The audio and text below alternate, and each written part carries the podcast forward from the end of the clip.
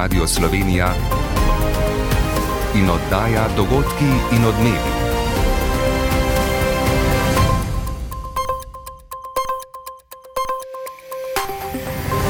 Ura je 15 in 30 minut. Lepo pozdravljeni. Številne reforme, ki jih za letos napoveduje vlada, bodo trtoreh. Poleg usklajevanja glede zdravstvene reforme je prednostni izziv tudi urejanje plač javnega sektorja. Ob zahtevah vse več sindikatov po zvišanju plač in napovedih za ostrovan sindikalnih aktivnosti bo koalicija po napovedih v prihajajočem tednu pretresala izhodišča za reformo plačnega sistema. Kaj je do zdaj znanega, čez nekaj trenutkov v vodaji pa ne preslišite še.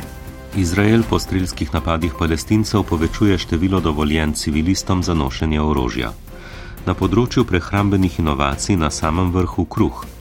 Tenisaču Djokoviču Grand Slam Avstralije, Timi Zajc po prvi seriji poletov v Kulmu na tretjem mestu. Postopno se bo jasnilo, jutri precej sončno z mrzlim in ponekod meglenim jutrom. Z vami sva Miha Zori in Katja Kotnik. Pred vladno koalicijo je, kot rečeno, po usklajevanju usmeritev in časovnice glede zdravstvene reforme še ena težka naloga in sicer prenova plačnega sistema ter pogajanja s sindikati javnega sektorja. Kakšna bodo točno izhodišča za plačno reformo, bo znano po koalicijskem vrhu v sredo. Za nekaj pojasnil se mi je v studiju pridružila Snižana Ilijaš. Pozdravljena. Dobar dan želim. Se morda že znane kakšne podrobnosti glede izhodišč? Ja, še vedno so znani samo obrisi, po novem bo plačni sistem razdeljen razdeljen na posamezne plačne stebre po dejavnostih, predvidena je nova plačna lestvica, vezana na povprečno plačo v zasebnem sektorju, razmerje med najvišjo plačo pa naj bi bilo 1 proti 7.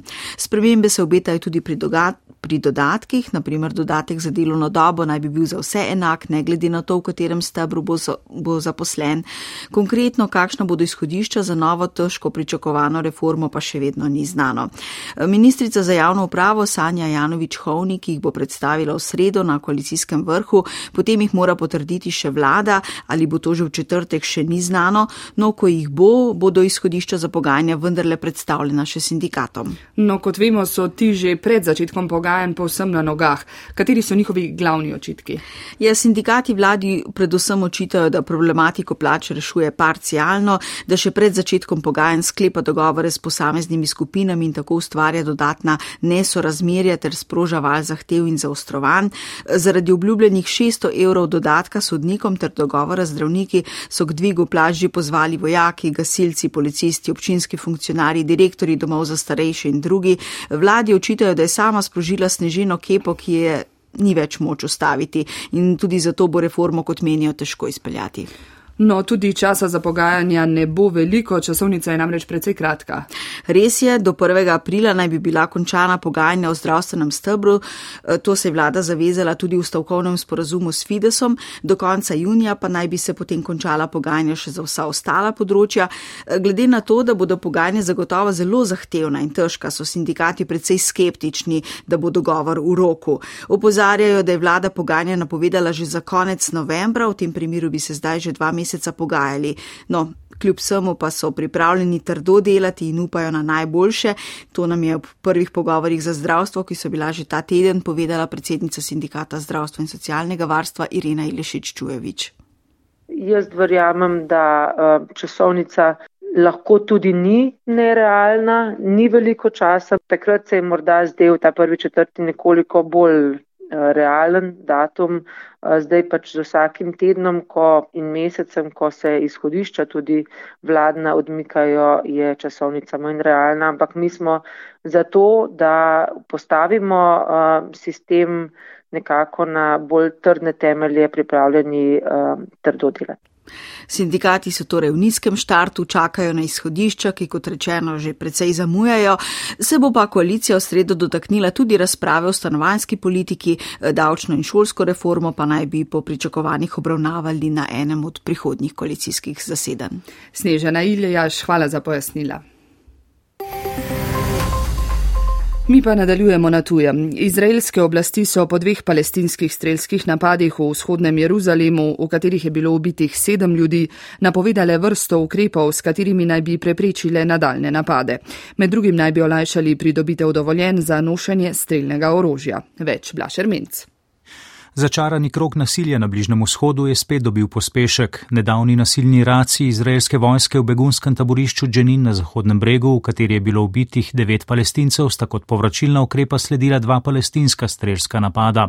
Zdaj je spet na vrsti izraelska stran, ki napoveduje nove ukrepe proti palestincem.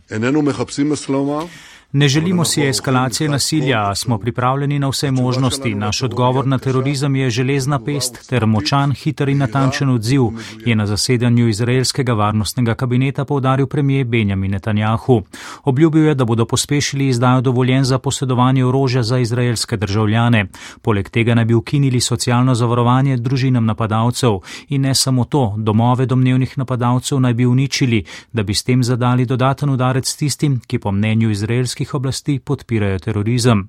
Zagovorniki človekovih pravic že opozarjajo, da gre pri tem za nespremljivo kolektivno kaznovanje palestincev. Izraelski premijer je napovedal tudi nove korake za okrepitev sicer nezakonitih izraelskih naselbin na okupiranem Zahodnem bregu. Glede tega za zdaj ni ponudil nobenih podrobnosti. Netanjahu, ki je sicer izraelski premijer z najdaljšim stažem, se je na ta položaj vnovič vrnil decembra lani, tokrat na čelu najbolj desno nacionalistične vlade doslej. Ob nastopu nastopu položaja je zatarjeval, da je sam najprimernejši voditelj za zagotavljanje varnosti Izraela. Zdajšnji razmah nasilja je tako prvi večji izziv njegovi vladavini. Ukrajinske sile so danes sporočile, da so v regiji Donetsk na vzhodu države odbile več ruskih napadov, med drugim tudi v okolici vasi Blahodatne. Ruska najemniška skupina Wagner sicer trdi, da je že prevzela nadzor nad omenjeno vasjo, ruske oblasti pa tega za zdaj niso potrdile. Rusija je sicer zauzetje ukrajinske regije Donetsk že ob začetku invazije postavila za svojo ključno prednostno nalogo. Pred kratkim pa je Moskva v regiji skupaj s skupino Wagner po hudih bojih zauzela mesto Soledar. Sodišče v Moskvi je na zahtevo ruskega ministrstva za pravosodje ukinilo najstarejšo rusko nevladno organizacijo za človekove pravice, Moskovsko Helsinško skupino. Obtožili so jo, da je kršila zakon o nevladnih organizacijah, ker je delovala tudi v drugih ruskih regijah in ne le v Moskovski, kjer je bila njena dejavnost dovoljena. Po invaziji na Ukrajino je ruski parlament sprejel vrsto represivnih zakonov, s katerimi je omejil delovanje nevladnih organizacij. Iz Moskve vlaste je Seničnik. Potem, ko so ruske oblasti pred letom dni razpustile ugledno nevladno organizacijo za človekove pravice Memorial, ki je desetletja pomagala svojcem žrtev stalinističnega terorja in je lani prejela tudi Nobelovo nagrado za mir, je bilo odvetnikom Moskovske Helsinške skupine jasno, da najstarejšo rusko nevladno organizacijo za človekove pravice čaka ista usoda. Odvetnik Henry Reznik. Мы не наивные люди, мы понимали прекрасно. Nismo naivni ljudje, vsem je bilo jasno, da je bila odločitev sprejeta zaradi političnih razlogov. Moskovsko-helsinško skupino, ki jo je od leta 1996 do svoje smrti pred petimi leti vodila ena najvidnejših borg za človekove pravice Ljudmila Aleksejeva, so leta 1976 ustanovili v stanovanju fizika in disidenta Andreja Saharova. Organizacijo so obtožili, da je kršila zakon o nevladnih organizacijah. Mi prosto zaščitimo prava građana, konstitucionalne prava građana. Trudimo se varovati ustavne pravice državljanov in opozarjati oblasti na pomene človekovih pravic, je dejala direktorica organizacije Svetlana Astrahanceva.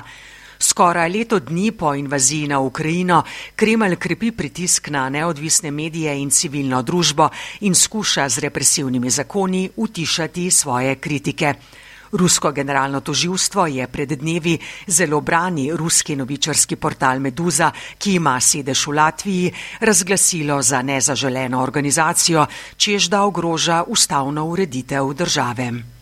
Britanski premijer Rishi Sunak je danes odstavil predsednika vladajoče konzervativne stranke Nadima Zahavija, potem ko je preiskava o izogibanju davkom v času, ko je bil finančni minister v prejšnji vladi, pokazala resne kršitve ministerskega kodeksa. Sunak je odredil preiskavo Zahavijevih davčnih poslov, potem ko je prišlo v javnost, da je britanskemu davčnemu uradu plačal kazen zaradi izogibanja davkom v času, ko je bil finančni minister, Tega pa na to ni razkril niti prejšnji premijej Kili Stras, niti zdajšnjemu premijeju Rišiju Sunaku. Iz Pakistana poročajo o dveh hudih nesrečah, v katerih je skupno umrlo najmanj 50 ljudi. Na severozahodu države na jezeru Tanda je v nesreči čovna umrlo najmanj 10 otrok, starih od 7 do 12 let, 8 jih še pogrešajo. Vzrok za nesrečo ni znan, na jugozahodu Pakistana pa se je davi zgodila huda avtobusna nesreča, v kateri je umrlo najmanj 40 ljudi. Avtobus, ki je bil na poti iz Kvete v Karači, je zgrmel z mostu in zagorov. Po prvih ugotovitvah je voznik zaspal za volanom. V nadaljevanju dogodkov in odmevov nazaj k domačim temam. Slišali boste, da je Slovenija pri umeščanju novih naprav za proizvodnjo električne energije iz obnovljivih virov prepočasna. Bo pa naša država po 30 letih s pravilnikom vendarle uredila področje poklicnih boleznih. Delodajalci mu sicer nasprotujejo, saj da so izključeni iz postopka. Predstojnica Inštituta za medicino dela, metoda Dodič Fikfak, odgovarja, da cilj pravilnika ni kaznovanje. Gre za opozorilo, da je nekaj na tem delovnem mestu narobe, da mora spremeniti pogoje, če hoče, da delavci ostanejo zdravi. V prihodnjih minutah tudi o izboru najbolj inovativnih živil, ki so proizvedena v Sloveniji in so prišla na naše tržišče v zadnjem letu. Iz sveta kulture pa o dopoldanskem koncertu iz cikla Mozartine. Maloprodajne cene vseh naftnih derivatov so se v Sloveniji lani v primerjavi s predlani zvišale. Poprečna referenčna cena 95-oktanskega benzina je bila višja za 23 odstotkov, dizla pa za 29 odstotkov. Referenčna cena ekstra lahkega kurilnega olja za ogrevanje pa je bila višja za tretjino. Kot je objavilo Ministrstvo za okolje, podnebje in energijo, so razlog za letno zvišanje maloprodajnih cen neugodne razmere na nabavnem trgu energentov v večini lanskega leta. Jutri bodo sicer znane nove cene naftnih derivatov, ki bodo na servisih zunaj avtocest in hitrih cest veljale od torka. Po nekaterih izračunih bi se lahko tako bensin kot dizelsko gorivo nekoliko podražila. Slovenija je pri umeščanju novih naprav za proizvodnjo električne energije iz obnovljivih virov počasna. Evropska komisija meni, da bi moral biti čez slabo desetletje delež obnovljivih virov v končni porabi že 40 in več odstoten. Po podatkih za leto 2020 pa nismo še niti pri 25 odstotkih. Predlog novega zakona o umeščanju naprav za proizvodnjo električne energije iz obnovljivih virov predvideva pospešitev postopkov pri postavitvi sončnih in veternih elektrarn teden. Na Ministrstvu za okolje, podnebje in energijo predvidevajo, da bo vlada predlog obravnavala prihodnji mesec. Podrobneje Erna Strniša. Slovenija je po deležu energije iz sonca in vetra med zadnjimi v Evropski uniji. Ministr za okolje, podnebje in energijo Bojan Kumar. Če je poprečje sonca in vetra znotraj EU-ja cirka 20%, je v Sloveniji 3%, gledano leto 2021. Sedemkrat manj. Predlog zakona opredeljuje prednostna območja za te naprave, nekatera med njimi bodo predpisana. V načrtu je tudi denimo obveznost postavitve na večje strehe in parkirišča, pravi Tanja Pucel Vidovic z pristojnega ministrstva. Zaenkrat imamo v mislih tisoč kvadratnih metrov za objekte, ki bodo šele nastali in se umestili v prostor in 1700 kvadratnih metrov za že obstoječe objekte. Seveda, to je še stvar debate, predvsem pa določitve ustreznega prehodnega obdobja. Namen zakona ni brezpogojno dovoljevanje novih naprav povsod, še vedno bodo potrebna upravna dovoljenja in presoja okoljskih vplivov. Kot pojasnjuje Mirna Tomažin z ministrstva, pa se odpravljajo absolutne prepovedi. Prvi primer je naprimer zakon o cestah, ki trenutno na cestnem zemlišču dovoljuje le postavitev naprav namenjenih funkcijam prometa, ampak dejansko tukaj ni ovir, da ne bi območja, ki so že razvrednotena zaradi vpliva ceste, lahko uporabili tudi za postavitev sončnih elektrarn. Glede na prvotno verzijo zakona so po pripombah stroke vnesli precej popravkov.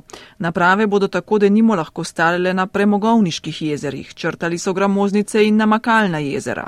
Domet zakona so zožali tudi na vodovarstvenih območjih in kmetijskih zemliščih. Po drugi strani pa bo denimo nižji predpisan delež potrebnih soglasij lastnikov v poslovnih in poslovno-stanovanskih stavbah. Predvidoma sredi februarja bo začel veljati pravilnik o poklicnih boleznih. Po 30 letih neurejenosti na tem področju bo Slovenija končno sprejela ta pomemben dokument, ki ureja pravice delavcev, ki zbolijo na delovnem mestu. Odslej bodo ti delavci poklicno bolezen lažje prijavili. Vzročno povezanost med delom in boleznijo pa bo ugotavljala neodvisna komisija. Delodajalci pravilniku nasprotujejo. Urška Valjavec. Vloga delodajalca je v postopku ugotavljanja poklicne bolezni izključena, prav tako delodajalec nima možnosti za pritožbo. Problematičen je tudi način določanja vzročne zveze med delovnim mestom in klinično sliko posameznika, kritično ugotavlja predsednik OZS Blaž Cvar. Ko bo, bi rekel, sprejet škodljiv pravilnik o poklicnih boleznih, ki bo omogočal zlorabo tega uh, pravilnika, seveda se bo takoj uh, zgodil precedens, ki bo povzročil poplavo očkodninskih zahtevkov in tega si vendarle gospodarstvo ne more privoščiti. Bo sedaj res več prijav poklicnih bolezni. Predstojnica inštituta za medicino dela, metoda Dodič Fikfak o primeru, kjer so sumili, da je okoli 200 ljudi obolelo za poklicno astmo. Težko boste verjeli, ampak eh, en sam človek se je odločil, eh, da bi verificiral poklicno bolezen. Razlog za to je strah pred izgubo službe, strah, da se ne bi zameril delodajalcu. Cilj pravilnika ni kaznovanje, pravi Dodič Fikfak. Gre za opozorilo delodajalcu, da je nekaj na tem delovnem mestu narobe, da mora spremeniti pogoje, če hoče, da delavci ostanejo zdravi. Delodajalske organizacije pričakujejo, da bodo odgovorni na Ministrstvu za zdravje upoštevali njihove predloge. Verjamemo, da bomo lahko še v nadaljevanju prišli do tistega primernega okolja oziroma zakonodaje, ki ne bo gospodarstvo povzročalo preglavic. Z ministerstva sporočajo, da bodo vse pripombe, ki so prispele v času javne obravnave, preučili ter preverili, ali izboljšujejo tekst pravilnika o poklicnih boleznih. Inštitut za nutricionistiko s podporo države v okviru projekta Izbor najbolj inovativnih živil že od leta 2015 spodbuja potrošnike k bolj zdravim, v zadnjem času pa tudi k bolj trajnostnim izbiram, proizvajalce hrane pa k proizvodnji živil z uravnoteženo prehransko sestavo. Spodbujanjem inovativnosti veliko preobrazbo v bolj zdravo živilo doživlja prav kruh. Prispevek je nekaj drolec. Slovenci zaužijemo bistveno premalo zelenjave in s tem prehranskih vlaknin, s tem povezan je zaskrbljujoč trend naraščanja debelosti in kroničnih bolezni. Za spreminjanje prehranjevalnih navad je, kot podarja Igor Praust, direktor Inštituta za nutricionistiko, ključno ozaveščanje potrošnikov. Jih naučimo prepoznati kakovostna živila in da so takšna živila razpoložljiva na policah po dostopnih cenah. Projekt je hkrati spodbuda proizvajalcem živil, da zmanjšujejo sladkor, sol, nasičene maščobe in prispevajo k samooskrbi ter trajnostnim ciljem. Izmed 79 prejetih predlogov je nagrade letos prejelo 10 izdelkov, ki za lažje prepoznavanje smejo oznako inovacija leta 2023 uporabiti za promocijo. Zvezdi med kruhi sta polnozrnati kruh z lanom pekarne grosuplje in druženi kruh semeni pekarne špar. Med vsemi kruhi na tržišču izstopata po bistveno nižji vsebnosti soli in bistveno večji vsebnosti vlaknin. Predstavnika obeh proizvajalcev Alenka Sinjur in Boštjan Kos. Naš kruh ima v bistvu visoko vsebnost prehranske vlaknine, imajo kar 9,4 grama na 100 gramov in pa uh, je tudi vir beljakovin. Eno je ugodna prehranska sestava, se pravi vsebnost uh, prehranskih vlaknin, čim višja, pa čim nižja vsebnost soli.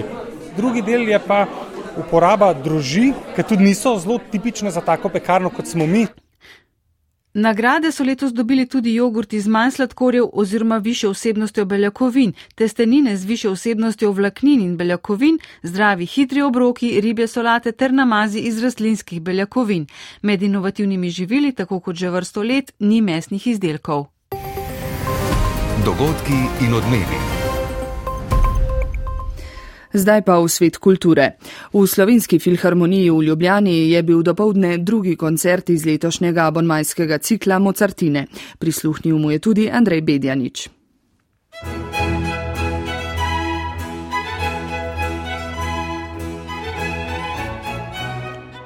Tokratni koncert je bil v znamenju letnih časov. Tako smo v prvem delu slišali dobro znano svito koncertov letni časi Opus 8 Antonija Vivaldija.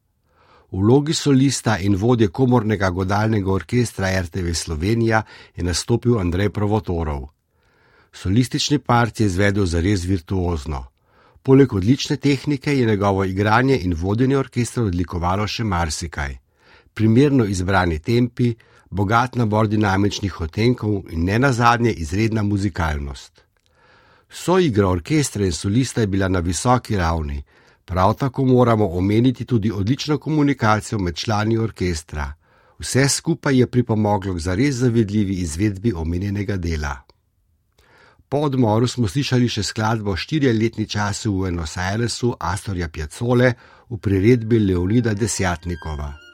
Tudi to delo so glasbeniki izvedli intenzivno in zelo predano. Poslušalci v razprodani kozinovi dvorani Slovenske filharmonije v Ljubljani so trud glasbenikov poplačali z glasnim aplauzom in vzkliki odobravanja.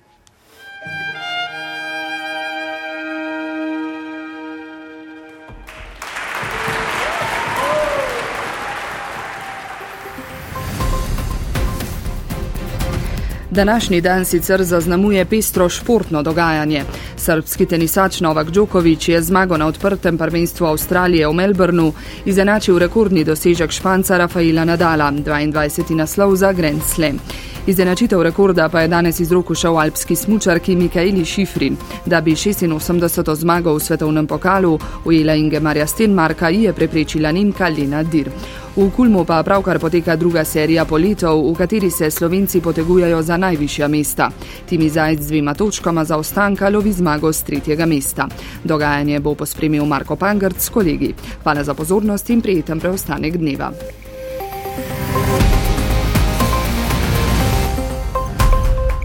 V Avstraliji je Novak Djokovic osvojil 22. Grand Slam o teniškem dogajanju nekoliko kasneje, tudi v tem koncu tedna izredno pester program zimskih svetovnih pokalov.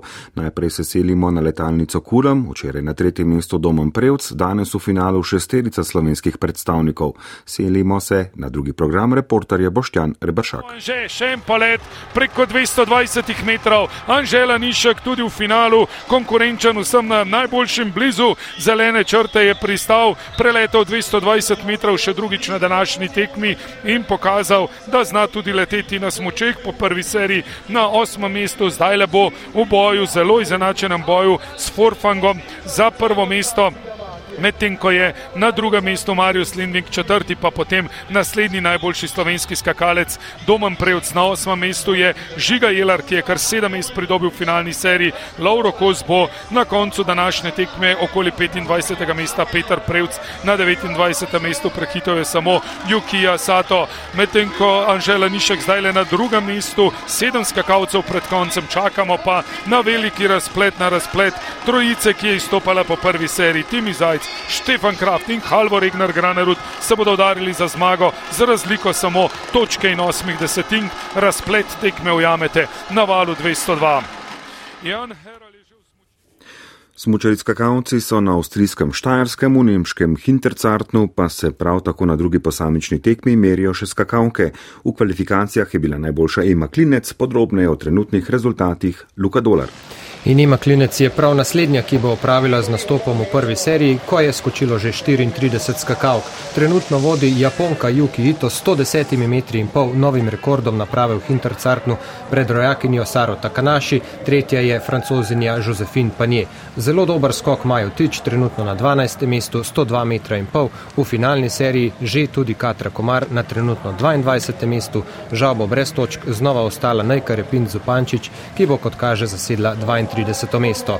Ema Klinec pa je pristala pri 102 metrih in je trenutno na tretjem mestu, prav k malu pa svoj nastop upravi tudi zadnja slovenka v prvi seriji, sicer peta predzadnja v tej seriji Nika Križnar, torej peto vrščena v seštevku svetovnega pokala, razplet prve serije pa na valu 202. V svetovnem pokalu v alpskem smučanju so danes smučarke še enkrat tekmovali na slalomu v Špindlerjevem mlinu, smučari pa na supervele slalomu v Kortini Dampeco.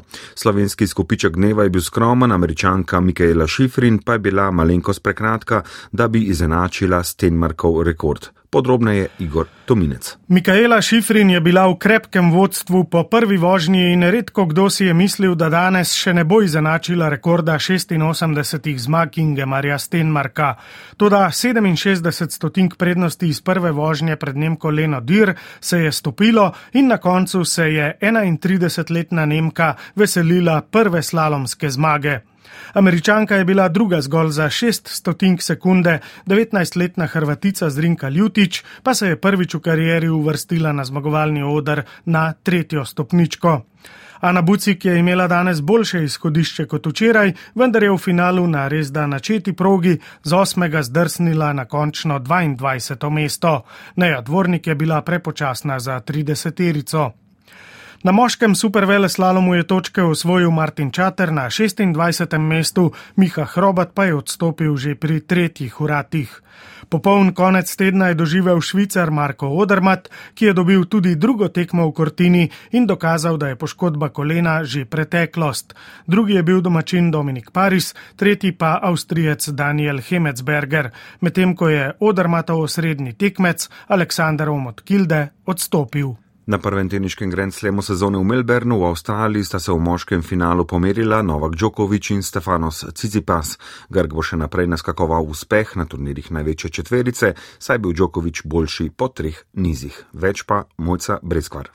Novak Djokovic je bil v uvodnem nizu izjemno zanesljiv na svoj začetni udarec, v drugem in tretjem je Stefanos Cicipas nekajkrat prevzel pobudo, vendar ponujenih priložnosti ni izkoristil. Podaljšani igri drugega in tretjega niza je brez brez večjih težav dobil Djokovic. Sr postaja neporažen v finalih Melbourna, kjer je osvojil že svoje deseto lovoriko.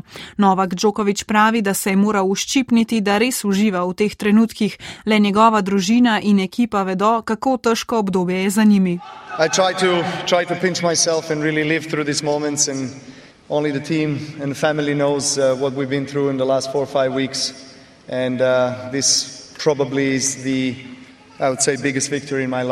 Srb meni, da je to njegova največja zmaga v karieri. Novak Djokovic se je z 22. naslovom na turnirjih za Grand Slam izenačil z Rafaelom Nadalom, jutri pa se bo vrnil tudi na vrh ATP lestvice. Danes je tudi zadnji dan svetovnega rokometnega prvenstva v velikem finalu, bosta zvečer ob 21. igrali Danska in Francija, obe za zgodovinski statistični presežek. Več Uroš Volk. Slovenski sodniški par Lah Sok bo žal le prva rezerva makedonskemu, ki so mu na začetku turnirja danski mediji očitali upletenost v nameščanje tekem. Dvomimo, da bo to opazno vplivalo na finale dveh najboljših reprezentanc tega turnirja.